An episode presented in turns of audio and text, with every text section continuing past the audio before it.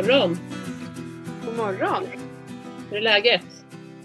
Jo då, det är som jag brukar säga på måndagar. Trött, men eh, kanske ändå lite mer utvilad än eh, vad man brukar vara eftersom att det är vintertid nu. Så vi har fått, Mm. vi fick en timme extra här eh, i natten till eh, söndag va?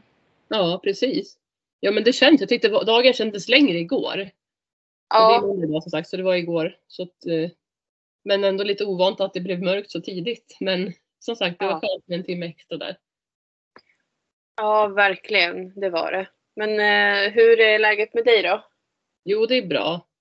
Det har väl varit ganska så full fart här i helgen och jag har tränat hästarna och lite blandat sådär så att det rullar på. Eh, Baren har ju höstlov den här veckan nu då. Det är första november idag ju.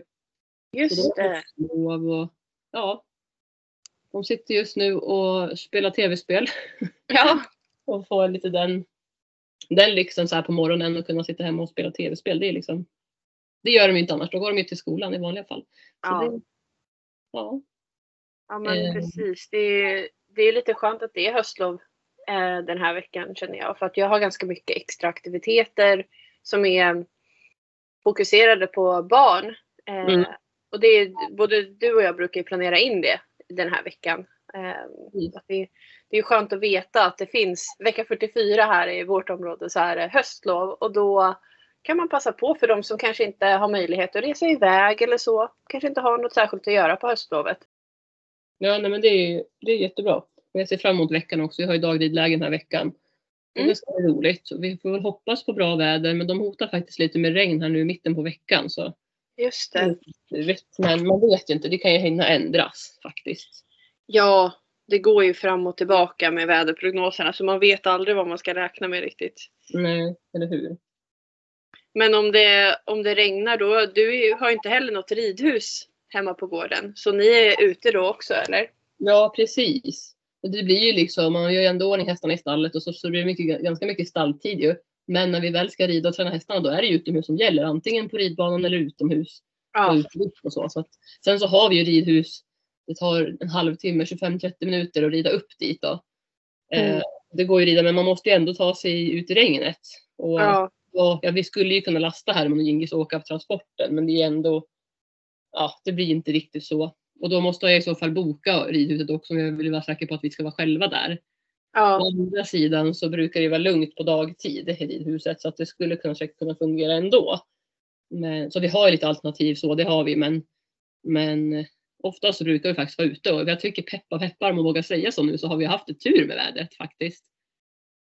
Ju- ja, jag håller med. Det har ju varit milt väder och det har ju inte regnat varje dag som det faktiskt kan göra på hösten. Nej. Nej men precis. Det har ändå varit ganska mycket sol. Jag tänker också under sommaren och när man har haft lagligt läge under, under hela året så har det ändå varit, alltså tycker jag, bra. Mm. Så kommer det ju vissa dagar sådär som man kan ha otur att pricka in regn, mycket regn och så. Jag har ju haft några ridlektioner under det här året när det har regnat, ja men verkligen liksom riktigt så här hällregn som man säger. Ja, Öst ner så hela sadlar och allting har varit dyngsura. Och det är inte så kul men det är bara någon enstaka gång det har hänt faktiskt. Jag har faktiskt haft jättetur. Jag hade en dag förra sommaren som det var spöregn när deltagarna kom. Men då kunde jag styra om schemat lite och köra lite teori först och då slutade det faktiskt regna sen. Men annars har jag haft sån otrolig tur med de dagarna jag har valt att det har varit bra väder. Ja. Och, ehm, ja, men jag är ju också beroende av att vara utomhus. Det vi har ju liksom ingen, ingenstans att komma in med hästarna och jag behöver transportera dem till ett ridhus och då får jag inte med mig ja, eh, hästar för en hel grupp. För jag, inte, jag kan ju bara lasta två hästar i ett släp. Så um, det är också nyttigt för de som kommer att få känna på hur det är eh, i många stall. Om man skaffar egen häst så kanske man inte har ett ridhus där utan då får man faktiskt eh, vänja sig vid vädret. Och Ja. Klä sig efter det. Hitta bra kläder som man kan ha på sig. Och det är ju precis det du säger. Alltså det, och det, jag kunde förr bli lite irriterad om man sa att det finns inget dåligt väder, bara dåliga kläder. Men alltså, idag så håller jag verkligen med om det. Det är ju så. Alltså, vi kan inte Ja. skylla på vädret heller för att det, det, liksom, det går alltid att klä sig bra så att man inte påverkas på samma sätt. Sen är det klart Mm. när det verkligen ösregnar eller riktig snöstorm, då kanske inte någon höjdare eller om det är jättemånga minusgrader. Mm. Men som sagt, man får anpassa sig och eh, ja, oftast tycker jag att vi brukar, man brukar ha tur får man väl säga i vädret där. Ja, jag hade faktiskt ett, eller jag har ett exempel från förra veckan. För på onsdagar så eh, det är mina eh, uteritsdagar. Då är det liksom fokuserat på uteritter och vi brukar beta av ganska många hästar på, för uteritt på onsdagar. Mm. Och det är väldigt ofta som det regnar just på onsdagar. Jaså? Eller snöar. Ja. Men eh, eh, det är någonting jag har reflekterat över för att vi eh, förra onsdagen då var det först en och en halv timme uteritt och sen var vi ute en och en halv timme till med ett till gäng hästar. Och det var liksom tre timmar i regn. Och det Oj. var, ja, jag fick ju byta om efter första ridturen även om jag hade, jag hade en regnkappa på mig. Och den täckte ju i alla fall så att jag blev, jag var torr på överkroppen. Men Mm. eh, regnbyxorna de höll inte tätt eh, efter ett tag för att de, de började släppa igenom och blev så här fuktiga på insidan och då stänger det ju in så att man blir bara kall. Mm. Eh, så att då fick jag byta det. Men sen nästa tur så hade jag torra kläder och så kanske man får sätta på sig några andra regnbyxor eller saker som håller, håller tätt då. Så att man inte Ja. blir helt blöt. Eh, men eftersom vi var ett par stycken som hade sällskap av varandra så är det mycket lättare att ta sig ut.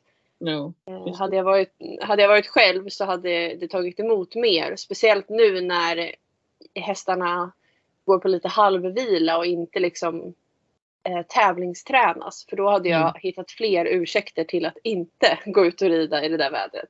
Ja. Men, eh. Men jag, jag brukar se det som en utmaning. För eh, när jag åker och tävlar så vet inte jag vad det är för väder. Så eh, Nej. då kan det ju lika gärna vara regn. Och då är det ju bra att man har tränat på det hemma så att man vet vilka kläder som funkar. Och jag vet nu att de där byxorna jag hade på mig, regnbyxorna, de höll inte tätt. Då Nej. vet jag att okej, men då behöver jag, då kan jag kassera dem. De behöver inte vara med på tävling för att där behöver jag ha riktigt bra kläder. Mm. Ja, där säger du något jättebra som du säger. Det är ju med att du tävlar och inte vet, kan påverka vädret och liksom är tvungen att rida en tävling när det är oavsett väder liksom. Mm. Så är det ju verkligen något bra att se det som en utmaning att liksom ja, men, lära dig vilken typ av klädsel du behöver och att, ni, att man faktiskt kan klara sig igenom det trots att det är inte kanske det optimalaste vädret som man vill ha. Eh, så det är väl jättebra sätt att liksom, att man utmanar sig själv. För annars som du säger, det är så lätt att man bara, nej men okej det regnar idag, vi hoppar, vi kan ta det imorgon. Mm. Och det gäller ju generellt liksom, det är inte bara när det handlar om träning med hästar, det kan ju vara träning för sig själv eller med andra saker man också ska göra. Att människor är ju faktiskt rätt så bra på att skjuta fram saker. Man tänker, äh, jag gör det imorgon. Och Ja. sen det imorgon så blir det inte och så skjuts det på en dag till. Och sen helt plötsligt har det gått en vecka, sen har det gått en månad, och sen har det gått ett halvår, så ett år och så vidare. Alltså så kan det Ja. faktiskt vara. Kanske inte när det gäller ridningen, men om vi tänker saker generellt som man så här tänker att man, äh, jag kan skjuta upp det. Mm. Det är Jo, men så är det. det är ju bra att pusha sig själv lite och apropå det så jag var, tränade ju då i förra veckan eh, igen. Jag hade ju sån otrolig träningsvärk gången innan då när vi pe- spelade in förra poddavsnittet och sen då på, på onsdagen när jag tränade igen sen så då var det inte, fick jag inte all- alls lika mycket träningsvärk och det var en väldigt skön känsla att så här, ja, men man känner att man ändå blir starkare och ja det, det är liksom väldigt häftigt och faktum är att vi har ju haft fint väder varje dag när vi har tränat och min PT då. Men Ja. däremot då så förra gången så var det inte lika bra väder. Då, då regnade det faktiskt. Men det är samma sak där liksom. Vi tränar ju utomhus. Så det är bara på med bra kläder. Jag hade min, min regnjacka och liksom, det var bara ner på marken där och visserligen hade vi underlag och sådär men ändå så blev man ju blöt. Sen Ja. var det bara att byta om efteråt och Sara då som jag tränar med hon, hon tränar ju alltid utomhus. Så hon sa liksom det att hon har ju alltid med sig ombyten och ibland så åker hon hem emellan och byter om och sådär. Det beror lite på liksom, när, när och var och så hon ska träna. Men eh, jag menar, det är verkligen, och det är så himla härligt att vara ute tycker jag. Man får ju verkligen frisk luft. Och det är också ett plus tycker jag, det här med att vara ute och att vara ute oavsett väder. Man får den här friska luften. ja, jag håller med. Och sen man blir så nöjd eh, efteråt känner jag. Att man liksom har klarat, klarat sig igenom regnet eller vad det nu kan vara. Att det, Mm. det låter lite konstigt men eh, det är kanske inte så kul att ta sig ut och göra själva träningspasset. Eh, Mm. Men när man är klar, det är den känslan man lever på. Ja, jag håller med dig. Och egentligen så är det ju naturligt för oss att vara ute i, oavsett väder. När vi var Ja. grottmänniskor då kanske man satt och, och tryckte in i en grotta liksom. Men man var väl ändå tvungen att vara ut, ute liksom. Så. Mm. Egentligen så är det ju vår natur, precis som för hästarna också, att vara utomhus. Ja. Så egentligen Ja. är det inte så konstigt. Nej, egentligen inte. Men det är som någon form av, eh, inte överlevnadsinstinkt, det är kanske lite väl drastiskt att säga. Men eh, alltså det är ändå något där, man känner sig lite stark, att man klarar saker. Eh, Ja. Som man kanske egentligen tror är väldigt jobbigt eller att man kanske inte kommer klara av det. Men när man väl känner att man gör det så blir man ju stolt och det skapar väldigt bra känslor för en. Mm, jag håller med.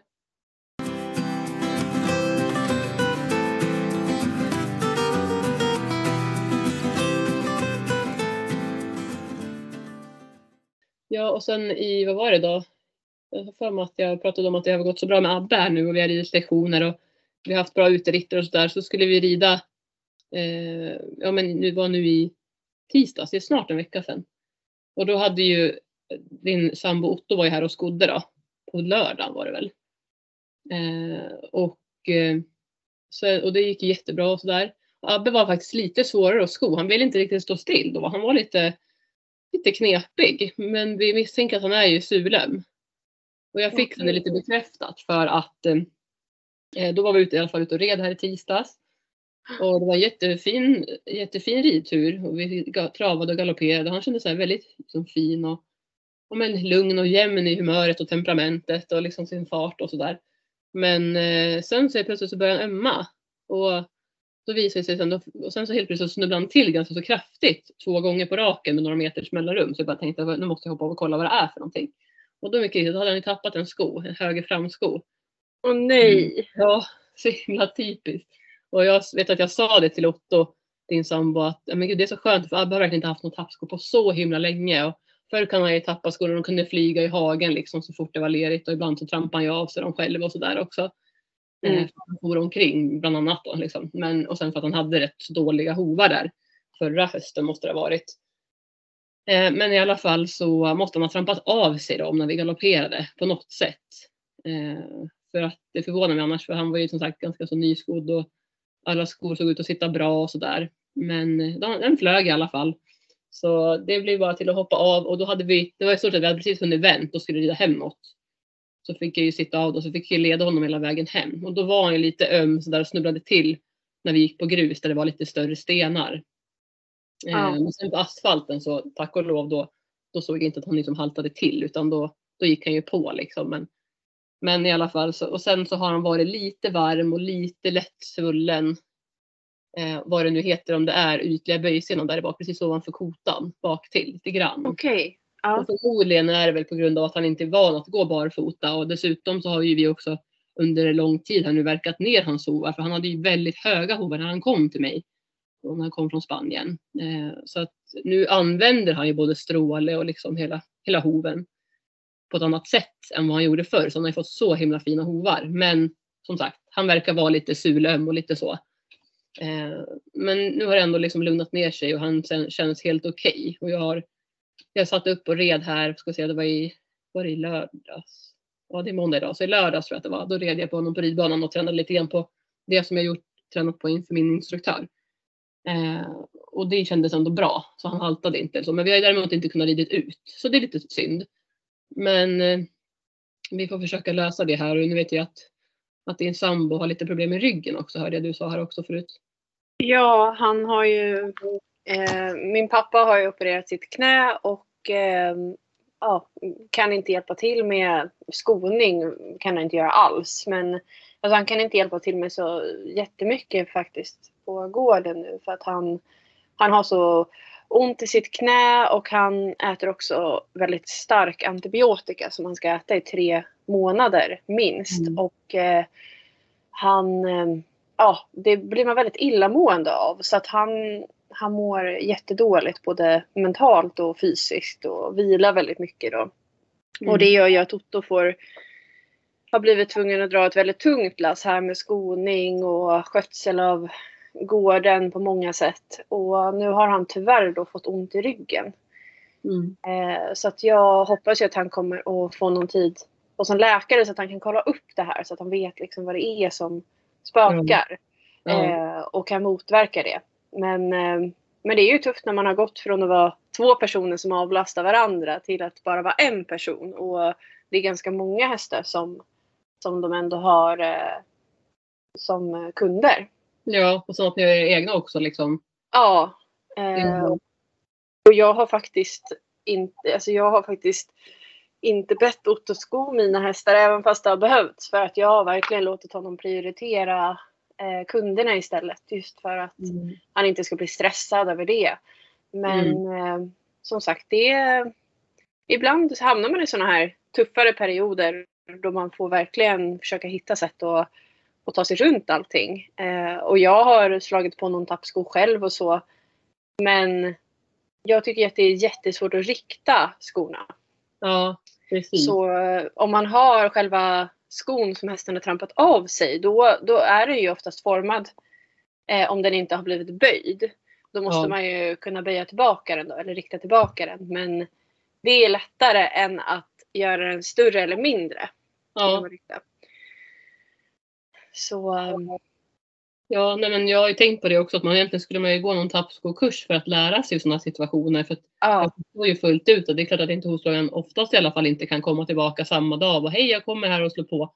Det kan, nej. ju ta, det kan ju ta tid och det- jag pratade med dig också och du tipsade om, om boots så att man kan sätta på boots på dem. Och det har ju du använt mycket också som jag förstått. Ja, det har jag. Eh, och jag är faktiskt på jakt efter eh, ett par nya boots här. Jag har, eh, jag har haft ett par som har hållit väldigt länge. Alltså, jag köpte dem begagnade i bättre skick då, men, men ändå haft dem i säkert fem eller sex år. Och använt dem. Hästen trampar av sig. Ute på ridturen så har jag alltid med mig en sån i en sadelväska. Ja. Så trampar hästen av sig en sko ute på en uteritt så sätter jag på en boots så kan man bara fortsätta rida nästan obehindrat. Eh, Mm. Det beror på lite vad man har för boots. En del är lite klumpiga och då kanske man får ri- rida lite långsammare. Man kanske inte kan galoppera så mycket och så beroende på hur, hur bra bootsen sitter fast på hoven. Ja. Men idag finns det ju märken som verkligen har tagit fram boots med en fantastisk passform som du kan Mm. använda och rida hur som helst med och de sitter som berget. Liksom. Så det är verkligen ett tips som jag har att man, alltså för att inte bli så begränsad om hästen får en tappsko, om den nu är skodd, så Mm. är det ju väldigt bra att ha en sån här eh, barfota toffla som reserv. Verkligen. Jag tycker det var ett jättebra tips. Så, så långt har inte jag tänka ens där och då utan man är så van liksom att man slår på skon igen. Ja, mm, Men vad heter det? Sen så jag tittade lite grann på det också då när du tipsade om några märken där och så. Eh, och jag gick ut och mätte Abbes hov. Men problemet med Abbe där är att han har inte samma mått. Det skiljer två centimeter liksom, på både bredd och längd. Eh, så det, bland annat så fick jag ju tips av dig. Du tipsade om bland annat någon som hade funkat för dig från Högs. Men den passade tyvärr inte på Abbe om jag skulle gå på måttabellen där. Så det är svårare att försöka hitta någon som passar liksom menar du att de Mm. inte att eh, längden och höjden skiljer sig eh, på, i storleken eller från vänster till höger sida på honom? Nej, att det skiljer sig i storlek. Alltså att man, man skulle mäta alltså, djupaste, alltså bredden på hoven och sen så längden från, framifrån tån bak till, eh, till trakten liksom. In, innan ballarna om man säger. Skulle man mäta. Och då var han 11 centimeter. Ska se, jag kommer inte ihåg vilket längd. Men 11 åt ena hållet och 13 åt andra. Mm. Vilket gjorde att när jag kollade på måtttabellen så fick det inte vara mer än 0,6 millimeter i skillnad bre- bredd och längd på hoven. eh, Okej. För att det skulle passa liksom, just den modellen. Så att, ja, och då var jag, och då var jag dessutom nyverkad. Och det är väl det där också som jag, jag känner att jag har ingen koll alls när det gäller boots. Så där har ju du mycket bättre koll. Eh, och så. Så det jag tänker är hur, för det gäller väl då tänker jag att hästen är ja, men nyverkad, att man, att man behåller samma typ av mått på ett ungefär För om man börjar liksom slå på en, säg att den här hästen tappar skon efter att den har gått, alltså gått med skon kanske i fem veckor säger vi. Ja, men då har ju oven vuxit ganska så mycket och det börjar bli dags för att sko om till exempel. Så kanske man ändå vill slå, sätta på den här bosen och då kanske den är för stor till exempel. Har du något tips då? Hur brukar du göra? Eller är det alltid att de måste vara nyskodda i stort sett för att det ska passa och fungera? Eller hur gör Alltså, man? Jag har ju haft eh, jag har ju haft samma boot på alla mina hästar i stort sett. Men den har ju passat olika bra på dem. Ja, Eh, den, den är, jag vet inte vilken storlek den är och det skiljer ju sig också från, mellan märkena. Men eh, säg att den är kanske storlek 3 säger vi i ett märke. Och det kanske är samma storlek som eh, mina lite, hästarna med lite större hovar har. Typ Shaman och eh, Bullen och Toppis som har lite större hovar och Joker. Ja.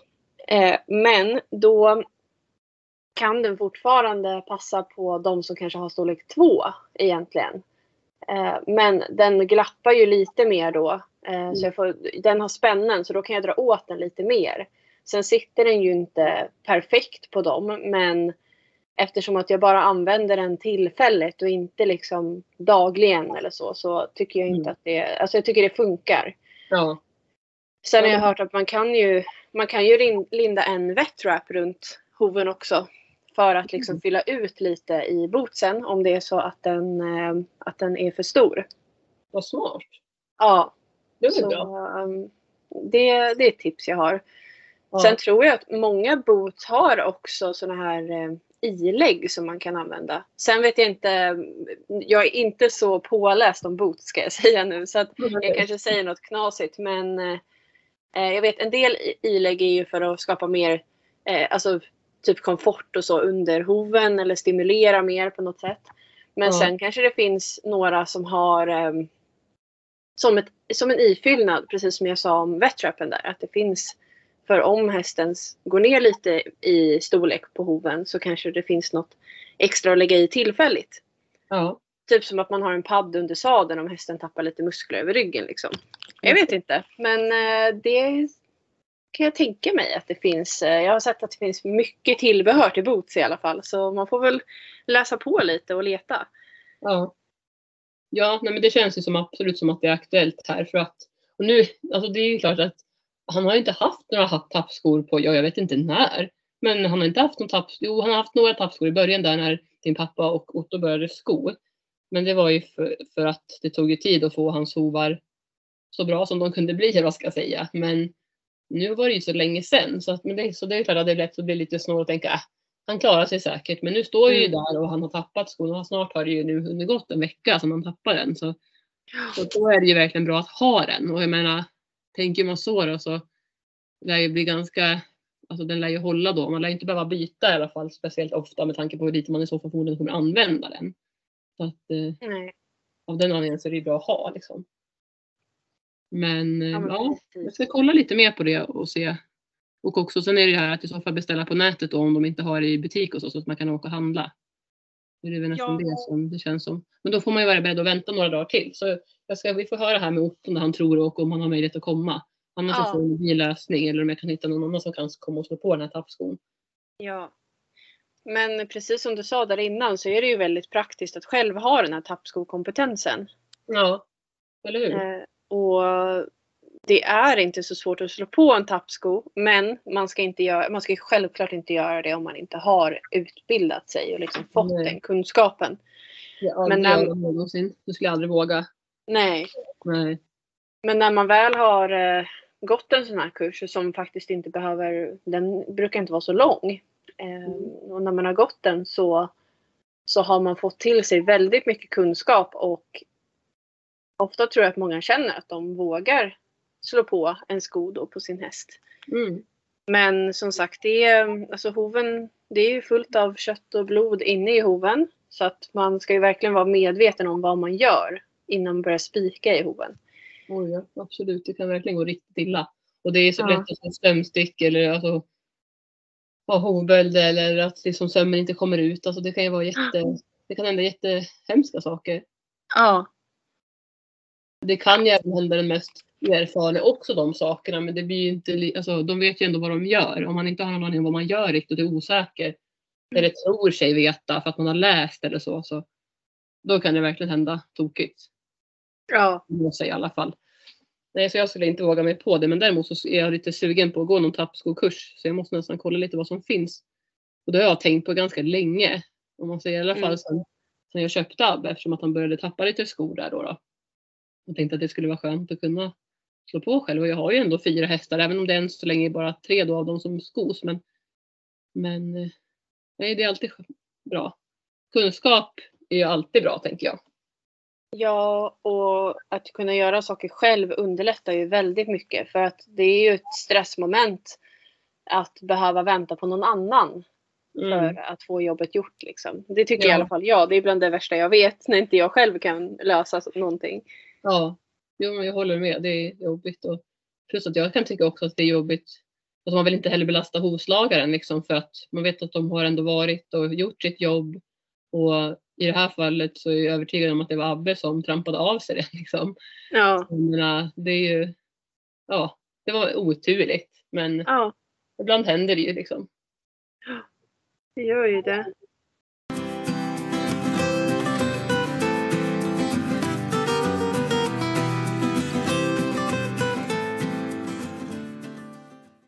Men du hade varit på Strömsholm va? Ja, jag har varit på um, ett, eh, ett möte och eh, en utbildning inom um, Ja, det var en, en träff för distansryttare på alla nivåer egentligen. Alla var inbjudna och det var också kostnadsfritt så det var väldigt förmånligt. Vi hade en, en ja alltså hon var lite allt möjligt. Hon var ryttare, eh, veterinär i distansritt på, och dömde på distanstävlingar. Jag tror hon också var någon form av domare och tävlingsarrangör. Och, och tränare i distans i eh, Tyskland. Okej. Ursula Klingbeil hette hon. Och ehm, ja, men hon kom och föreläste. Det var en otroligt intressant föreläsning som eh, den gav mig en hel del ny kunskap men bekräftade också väldigt mycket saker som jag redan ehm, tänker på. Eller som, som jag, ja, hon tänkte på samma sätt Ja. eh, kring en hel del när det gällde träning och så. Men sen var det också mycket saker som jag tog till mig och, och ska fundera på om jag kan applicera det på mitt upplägg. Eh, just när det gäller träning.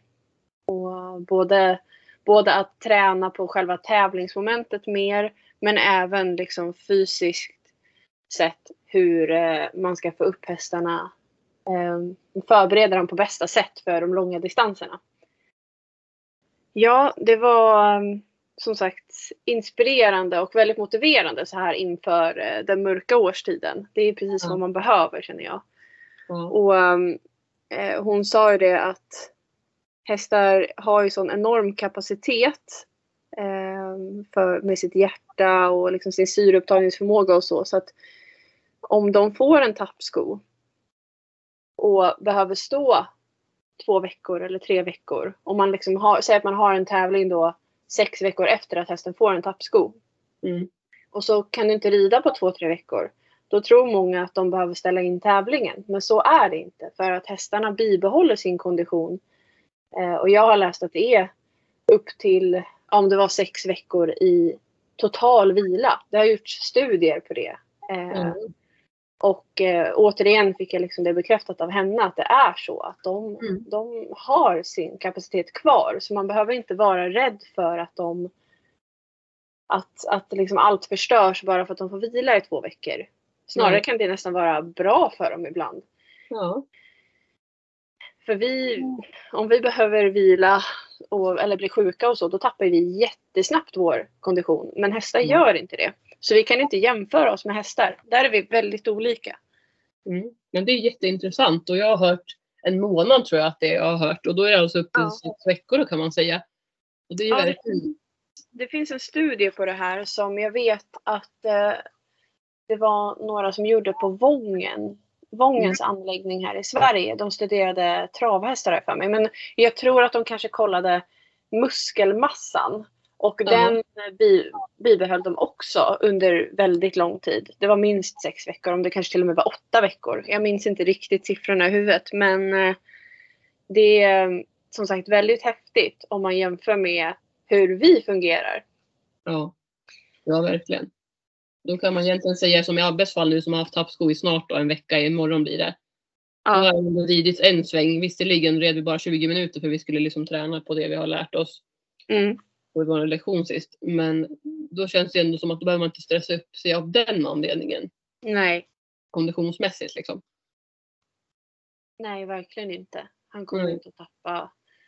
Alltså det man ska tänka på om de behöver stå kanske i tre veckor det är väl att man, man kanske inte bara går rakt ut och gör ett jättetufft träningspass direkt nästa dag Mm. utan att man ändå då kanske skrittar och travar lite grann, tar det lite lugnt en eller två, tre dagar. Ja, sätter igång hästen, känner på hästen, hur känns den? Ja, Och sen om allt känns som vanligt, ja men då kan man köra på igen.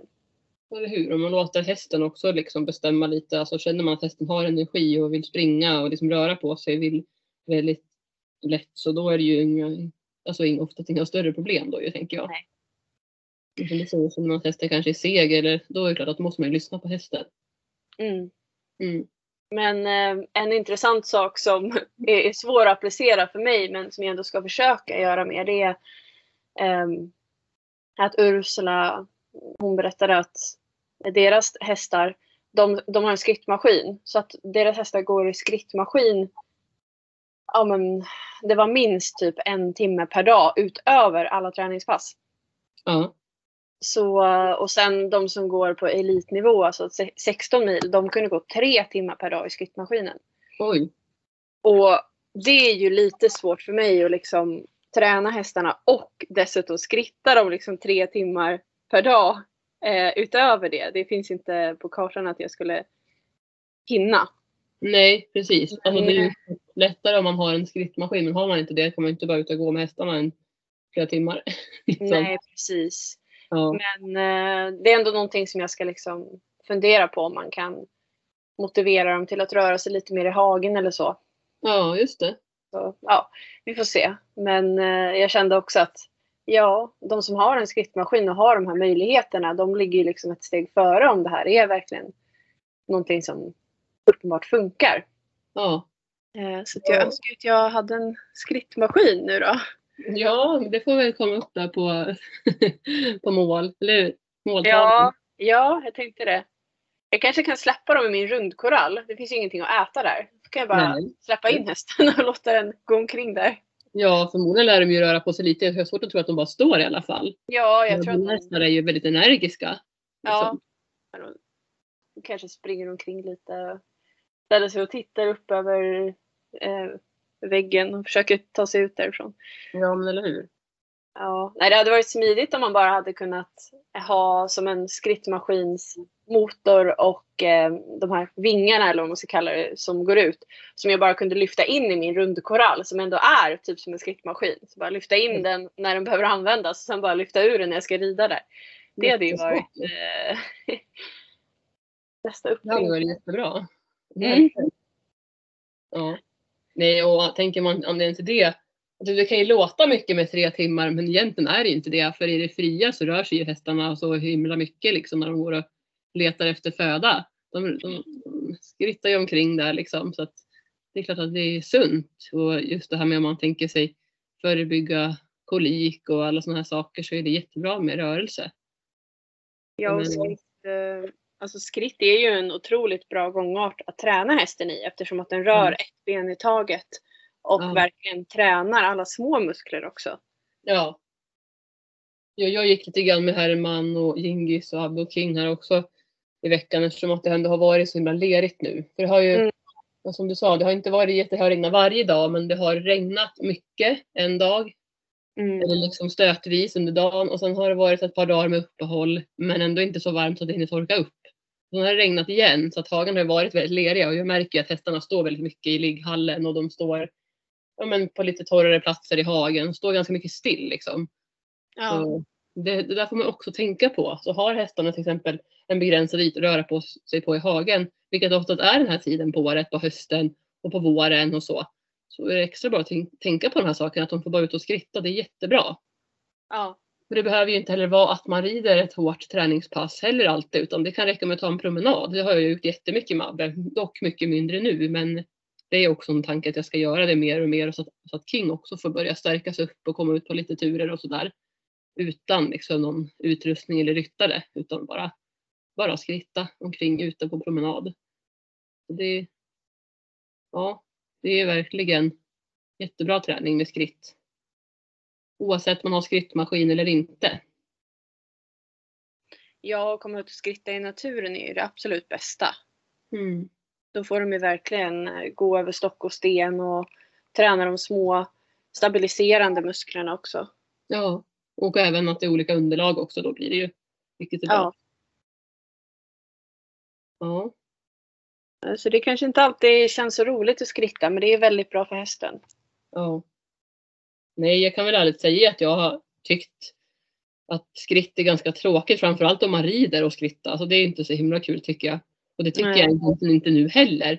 Sen är det klart att ibland har man det behovet själv också, att så här, man vill komma ut på en avslappnande skrittur i skogen eller bara liksom ut. Men oftast så gillar ju jag mest att trava och galoppera. Jag, är liksom, jag gillar ju farten där. Men, Ja. men jag tänker ju alltid på det, liksom att minst skrittar i 15-20 minuter innan de börjar travas och galoppera. och Så det har ju alltid har ju varit en fördel där vi bor nu att vi har ganska lång, lång bit innan vi kan trava och galoppera. Eh, sen går det ju att göra det vid sommarhagen men då är jag alltid noga med att de får skritta ordentligt och värma upp. Och även skritta av efteråt. Mm. Det skulle jag säga är viktigt. Om verkligen, det är det. Mm. Ja men ska vi säga så då för den här veckan? Ja men vi gör det. Tycker jag. Ja. Så får alla ha en fin helg när det här avsnittet släpps. För då är det ju faktiskt allhelgona. Ja. ja men just det. Det är det. Då, då kommer det vara väldigt fint på kyrkogårdarna. Ja. Man kommer lätt lite fel tycker jag. För jag tycker det är lätt att blanda ihop det här. Man här firar halloween och sen är det allhelgona. Ja.